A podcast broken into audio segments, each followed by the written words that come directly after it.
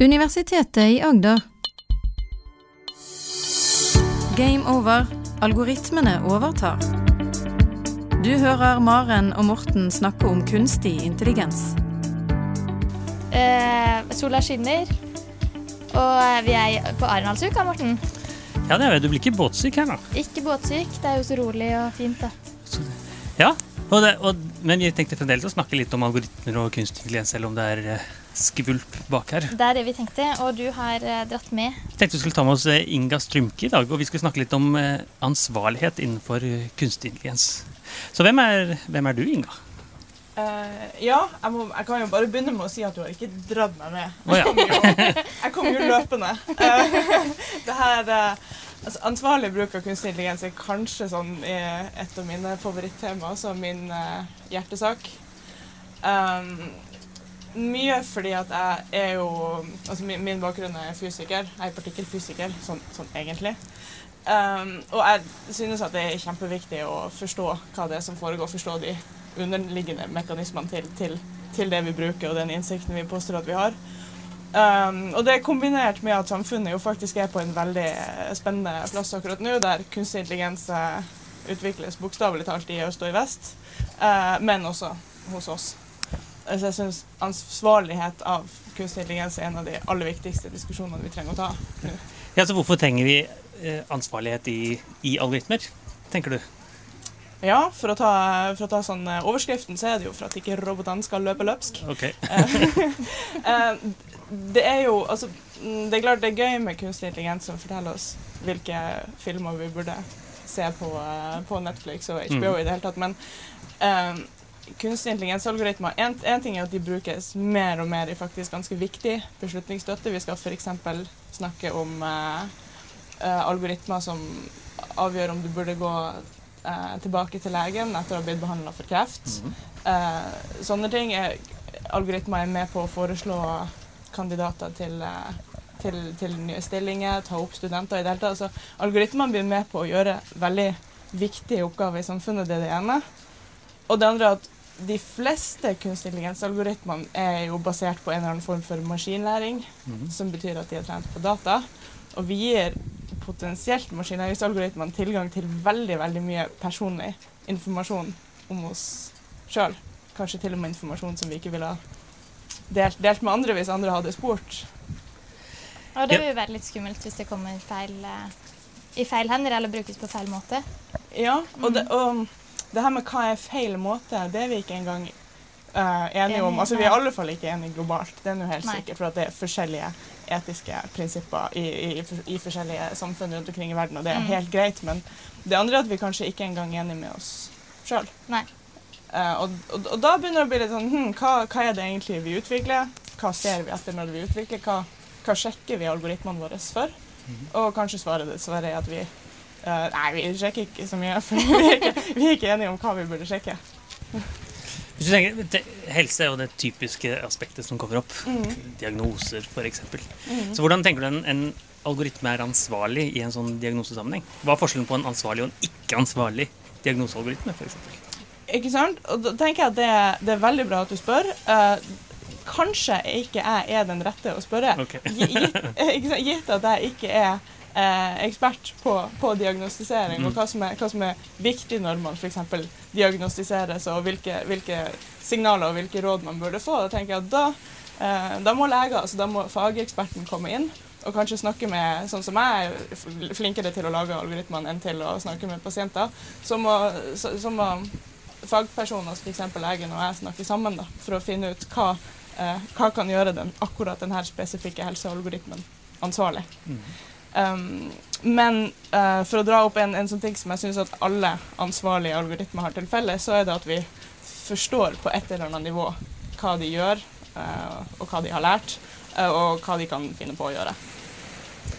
For det er så, mye av det du kommer inn på, er det som vi kaller svartboks-teknologi. Mm. Det er jo algoritmer, dataprogrammer som man ikke helt forstår. De kan enten være svart boks for det eh, noen har bestemt at de skal være svart boks. Et Mm. firma sier at vi får ikke lov å ta inn. Eller kan det være svart boks fordi de er så kompliserte at man ikke forstår alle disse nevronene og knapsene og alt dette her. Ja. Eh, Jeg diskuterte med en lege for litt siden, og han sa at eh, det er veldig mye i kroppen vår som er svartboks. Ja. Vi vet ikke hvordan eh, paracetamol, sånn hodepinetablett, fungerer, f.eks. Men vi er helt sikre på at de fungerer. Ja. Legene vet helt sikkert, og derfor bruker de det. Men de kan ikke forklare hvilke molekyler som binder seg til hva. eller. Så svart boks er noe vi ikke forstår. Svart, ja, helt riktig. Svart boks er, er noe vi ikke kan se på innsiden av. Mm. Typisk da. Man kan tenke seg at man bygger en, et eller annet, og så har man en svart boks rundt, og så er det ingen mulighet til å se inn, for alt er bare svart. Okay. Så sender man noe inn, og så får man noe ut. Og da er det jo, Man vil jo helst ikke det. ikke sant? Man vil helst Mm. se, se på innsiden. Ja. Det her har jeg hatt, hatt mange fyre diskusjoner om, både på Twitter og på bar. si. Ja. Eh, hele den her med Ja, men hvis det fungerer, hvorfor kan vi ikke bare si at det er greit? Mange kirurger håndterer, eller, eller agerer også bare på intuisjon. Fordi at de har lang erfaring, og de har sett mye data, sånn som algoritmen min. Hvorfor kan ikke algoritmen min da få like mye tillit som f.eks. en kirurg, til å bare gjøre det den, eh, det, det den har, har øvd seg på å gjøre? Så for, for, å, for å ta Paracet-eksempelet, ja, vi vet at det fungerer. Leger vet at Paracet fungerer hvis det ikke er så fryktelig alvorlig, og hvis du bare har litt vondt i hodet. Men de ville ikke ha gått og prøvd å kurere aids med Paracet. Så sånn sett så er det ikke en helt svart boks altså på bruksområdet. Det er en grå boks. Du skjønner kanskje ikke nøyaktig på molekylnivå hva som skjer inni kroppen, men du har veldig mye erfaring med når det er lurt å bruke, og når det ikke er lurt å bruke. Mm. Så når, når jeg sier at vi burde forstå det, så mener jeg ikke at vi, vi må ha et sånn, sånn, sånn helt nøyaktig ligningssett, et sånn deterministisk system som vil gi meg nøyaktig samme svar som algoritmen i hvert tilfelle. Um, forståelse er ikke nødvendigvis det samme som intuisjon. Og det er ikke nødvendigvis det samme som jeg har en modell til som kan gjøre akkurat det samme. Forståelse kan godt være bare en forklaringsmodell. Og mm, jeg, tenker at Idet man begynner å pirke på ting og Hvis du sier at du får levert en svart boks fra, fra verdensrommet, og aliens sier at den, den her skal hjelpe deg å diagnostisere, så vil du jo begynne å, å pirke litt på den og teste litt. Og se når den funker og når den ikke funker. Og sånn. Og sånn, da gjør du sånn sett boksen litt gråere. Da går du empirisk til verks og Mhm. prøver å forstå den. Og det er jo faktisk det vi har gjort vitenskapelig så lenge vi har hatt, siden vi eh, oppdaga den vitenskapelige metode, kan du si, så har vi, så har vi pirka i ting og prøvd å skjønne hvordan de fungerer. Jeg syns ikke det er noe i veien for å ha litt samme eh, tilnærminga til kunstig intelligens. Selv, om, selv om det er vi som har laga kanskje et nevralt nettverk med 50 lag med en million noder i hvert lag, så er det altfor mange parametere at vi får en intuisjon for hvordan det fungerer. Men det betyr ikke at vi ikke kan få en forståelse for det. Ja, og det er sånn som medisin og veldig mye annet. Det er evidensbasert, akkurat som du sier. Man får, eh, får jo Man, man eh, vet ikke hvordan det funker, men man kan teste. Og Ja. du tenker at det, det, man kan gjøre det samme med kunstig intelligens. Plutselig har det funka, begynt å funke. Vi er ikke helt sikre på hvorfor, men vi er ganske sikre på at det funker. Ja. Og, og da er det i alt fra selvkjørende biler til eh, til medisin og til hva man kan tenke seg. At, at man kan teste ting, da. Ja. Tenk, ser du på som viktig? Uh, ja, helt klart. Og så er det eh, man, man kan jo, altså Nå kan jeg være kjempekjedelig, og så kan jeg si vi kan jo bruke kunnskapen vi har om statistikk og numerikk til å skjønne hva som tross alt har foregått. Fordi det er jo, det er jo litt sånn en, en vits at uh, dyp læring er egentlig bare lineær regresjon i mange dimensjoner. Ja. Så egentlig er det en slags kurvetilpasning, kan du si, men den har skjedd numerisk, så jeg har ikke den eksplisitte for formelen for, for, som jeg kan skrive ned og si det her er det det nevrale nettverket har skjønt. Um, men, men jeg kan jo behandle det som en slags statistisk modell som bare har funnet, funnet en tendens i dataene. Man kan, man kan se på alle tallene og se på all matematikken. Og liksom Ja. skjønne hvis. Hvis man er veldig god i matematikk, så kan man skjønne det. Ikke sant, man Ja. kan det. Så da tenker jeg, da kan vi jo være litt ambisiøse og Ja. bare si at det her det er kjempeavansert statistikk, men det går fint. ass. Statistikk har vi drevet med en stund nå. Nå er det, litt, nå er det vanskeligere statistikk. Ja. Men hvem er det som trenger å skjønne det? Tenker, tenker du at alle bør skjønne hvordan algoritmene fungerer? Hvis man ser, Ja. hvis man ser eh, på eksempelet med eh, bil eller Når vi er på båt, da, så er, kjører vi Så jeg er helt sikker på at den Åsmund her vet hvordan han kjører båten. Men jeg er ikke helt sikker på at han vet hvordan forbrenningsmotoren inni båten fungerer.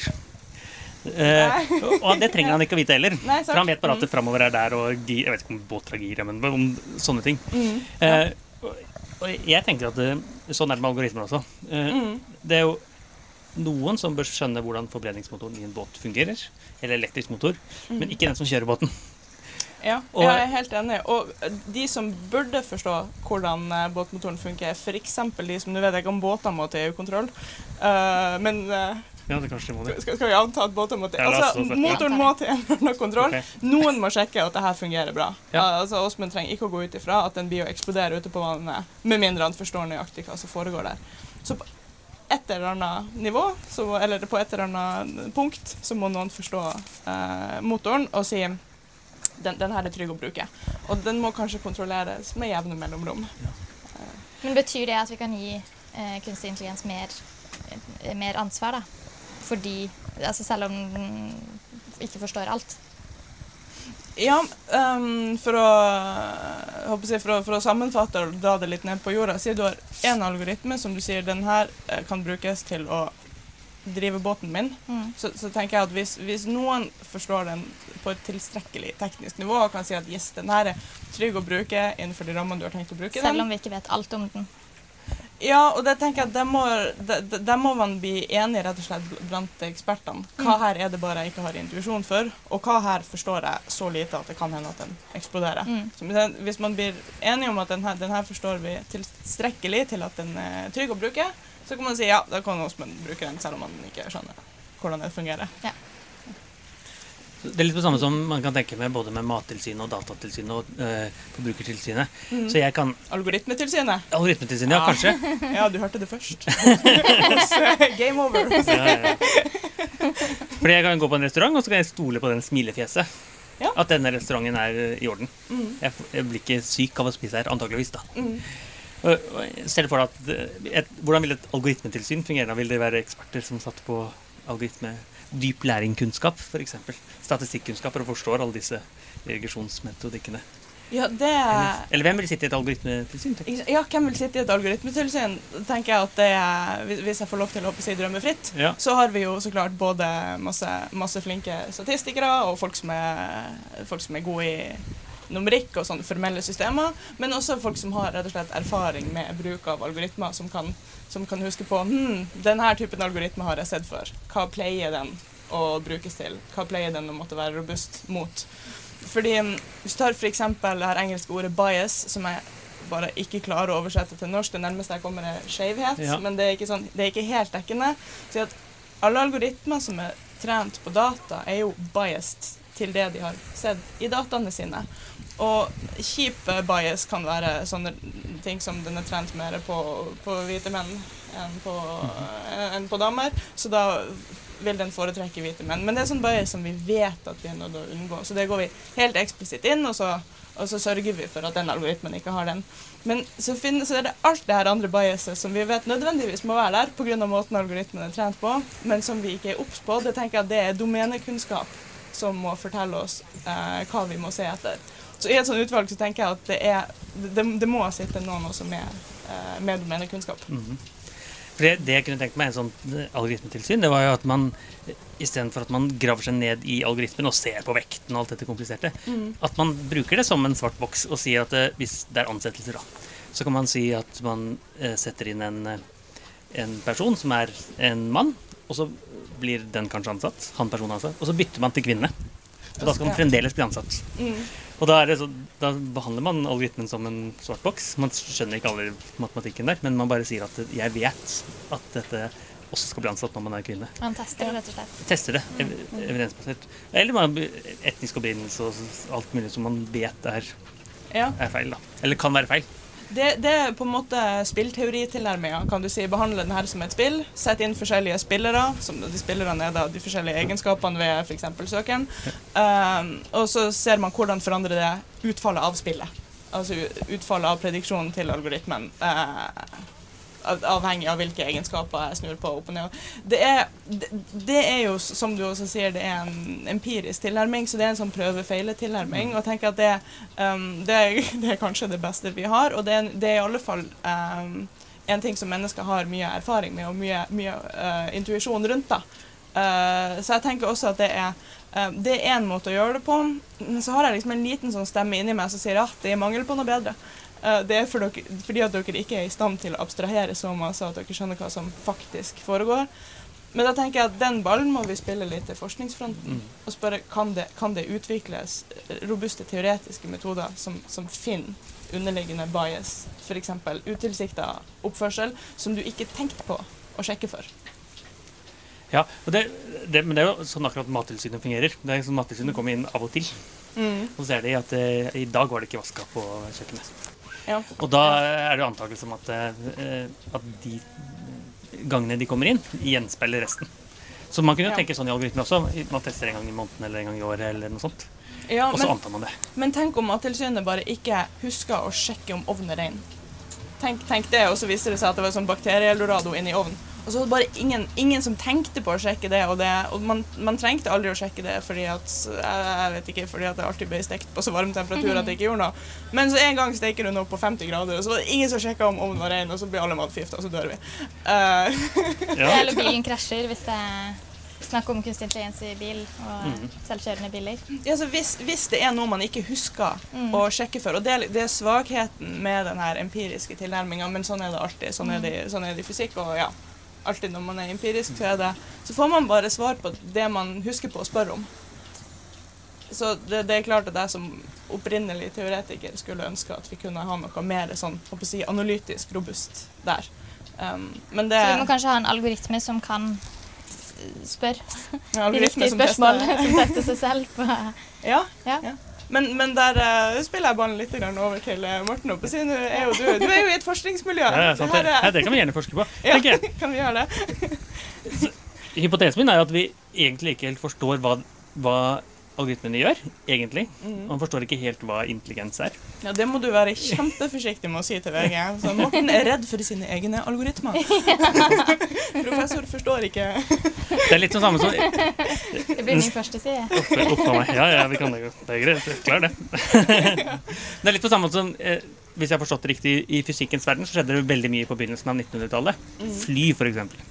Og de, vi har snakket om det før, at de første som prøvde å fly, var sånn flaksende mennesker som løp rundt med vinger osv. Ja. Prøvde å etterligne fugler. Ja, prøv etterligne fugler, ja. ja. Men det var først når man forsto de fysiske prinsippene rundt å fly, at man klarte å lage jumbojeter og Concorde og de virkelig bra flyene. Mm, ja.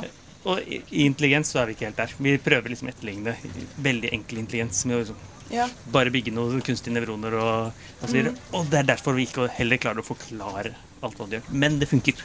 Ja, jeg, jeg, helt, jeg er så hjertens enig med det, og særlig det at det ene ikke utelukker det andre.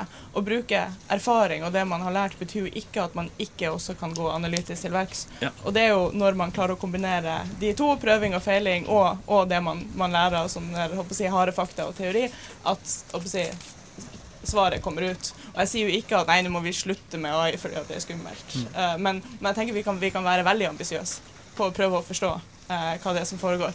Og ap apropos si, fysikk og prøving og feiling, så er det sånn Jeg, hørt, jeg hørte et bilde en gang, men jeg husker ikke hvor jeg har hørt det, så jeg kan egentlig bare late som at jeg skal komme på det.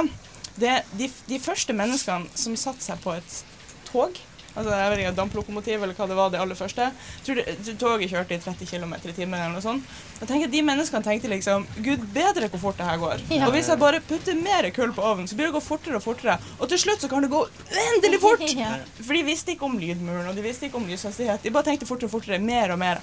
Og jeg, jeg får litt grann assosiasjon til det når vi kaster mer og mer regnekraft på ting. Ja. Og tenker Det er der fokus ligger hele tida. ja, det, der fokus ligger i alle fall i, eh, i noen av eh, de store amerikanske selskapene. Altså det, de bruker sånn et lite norsk statsbudsjett ofte på å trene opp en, et nevralt nettverk som skal slå en eh, menneskelig eh, spiller i et dataspill. Mm.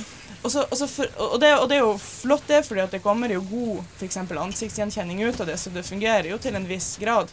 Men likevel, jeg tenker når en algoritme trenger å se fire millioner bilder av katter, eller hva det er for noe, for å skjønne én katt, så tenker jeg at den er jo dårligere enn en hvilken som helst toåring som ser tre katter, og så skjønner en katt, ikke hund. Mm. Så det, jeg tenker det er et eller annet konseptuelt her som vi, som vi ikke Ja, har et godt bilde på det. Ja. Takk! Det er mitt, det er mitt Ja, jeg, nå er det ditt bilde. jeg er jo helt enig, og det er kjempespennende. Det, det er jo et eget fagfelt som vi ikke har snakket så mye om, som ikke jeg jobber i heller, som heter one shot learning. At du skal lære av et eksempel. eh, hvis du Så egentlig kan vi bare minske datakraften kraften masse, og så kan vi finne en annen måte å, yeah. som algoritmene kan tilegne seg og forstå. Ja, det, men da må vi bare komme på hva det er. Ja. Det er det som er vanskelig. Igjen, Morten sitt ansvar. Du legger alt, ansvaret på han. Det er jeg kan jeg ansvar, jeg. Det er, men det er helt klart å komme på hva, hva Jeg tror egentlig at når vi eh, skjønner hva intelligens egentlig er, med samme type matematikk som vi står ved fysikken, hvis det noen gang kommer, Ja. så klarer vi å lage en virkelig virkelig god kunstig intelligens. Kanskje mye mer effektivt enn en som trenger å se 300 bilder 300 000 bilder av en katt for å skjønne hva en katt er. Mm. For det er helt klart at uh, ungene skjønner forskjell på katt og hund. Mm. Men det er jo sånn at uh, et typisk feil som uh, mine barn gjorde, var jo å blande sammen løve og tiger, f.eks. Å ja, for Det- det, begge er rare katter. Begge er rare katter, og de Ja. ligner jo litt. Ja. Den ene befinner seg i Afrika, andre i India, riktignok, men det er, vi vet forskjellen. Men det er, det er litt feil å si at en løve er en tiger, men det er mye mer feil å si at det er en hund. på en måte. Ja, sant. Og sånn har vi egentlig ikke i, i det nevralnettet. For der er det løve er én kategori, tiger er en annen, stort sett. da. Ja. Og da er det kjempefeil å si løve og tiger, mens det er jo egentlig ikke så feil som å si hund, da. Eller tomat eller bil. Som er noe helt annet, da. Ja. Det, ja. Men det er litt rann, på, på, på grunn av det, denne her eh, viktige konseptuelle for- forskjellen som er eh, for meg i alle fall da, i, i det her eh, crunche, crunche, crunche til den jetteriktige liksom endelig, og det her med å forstå ut ifra noen få eksempel hva jeg prøver å fortelle den. Derfor synes jeg ikke at man kan dra den der parallellen. Ja, men eh, kirurgen min kan ikke forklare hvorfor han diagnostiserer meg. Han har en intuisjon, da kan jeg stole på han. Jeg syns ikke at vi kan generalisere det til nevrale nettverk, siden vi vet at det er så lite overførbarhet i typen intelligens vi har med å gjøre. Så et nevralt nettverk kan ikke ha samme intuisjon som en kirurg, fordi at det, det er beviselig mye, mye, mye dummere på så mange områder, bortsett fra akkurat det ene jeg har trent den på å se forskjell på. Mm. Så jeg synes det er en viktig konseptuell forskjell som vi må huske på, fordi at um, det, det at jeg ikke forstår kirurgen, men stoler på han likevel. Det, det, det, er det er veldig stort logisk feiltram på å si ergo kan jeg stole på alt jeg ikke forstår, som om det skulle vært en kirurg. Så, ja, det er jo helt enig i, men på den motsatte siden er jo å ikke akseptere algoritmer i helse, som du snakker om nå, eh, bare, eller bare stole på de når vi skjønner alt som skjer. Og da, da må vi vente 200 år, da, ja. før kunstig lens kan settes i gang.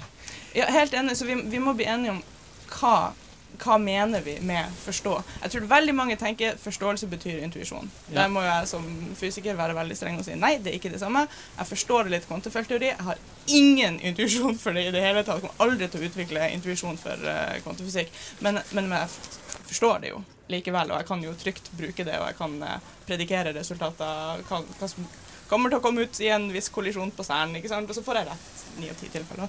Wow. Um, Eh, Så hvis vi blir enige om hva vi mener med forståelse og tilstrekkelig forståelse, så, uh, eh, så mener jeg helt, så, så klart helt at, at, at vi ikke kan sitte og vente i 200 år, eh, som du sier. Så der, der, er vi, der er vi helt enige, altså.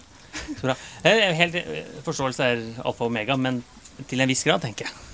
Jeg tenker, så Inga høres ut som vi må ha besøk av flere ganger. Man Ja, vi må ha en podkast til da, med dette her. Veldig gjerne. Men i mellomtiden kan folk sende inn noen spørsmål, enten til oss, og kanskje til og med vi kan få noen spørsmål til Inga. Hvor er de sender inn spørsmål, Maren? Gameover, krøllalfa, ua.no. Så ses vi neste uke. Kanskje også fra Arendalsuka. Ja, vi, vi tenker å spille noen flere i dag, så Ja, vi riktig. eh, gjør nok det. Så bra. Takk for i dag. Du hører Maren og Morten snakke om kunstig intelligens. Har du spørsmål til Maren og Morten, send en e-post til gameover.alfakrølluia.no. Du har nå hørt en podkast fra Universitetet i Agder. Du finner flere podkaster fra UiA på uia.no podkast.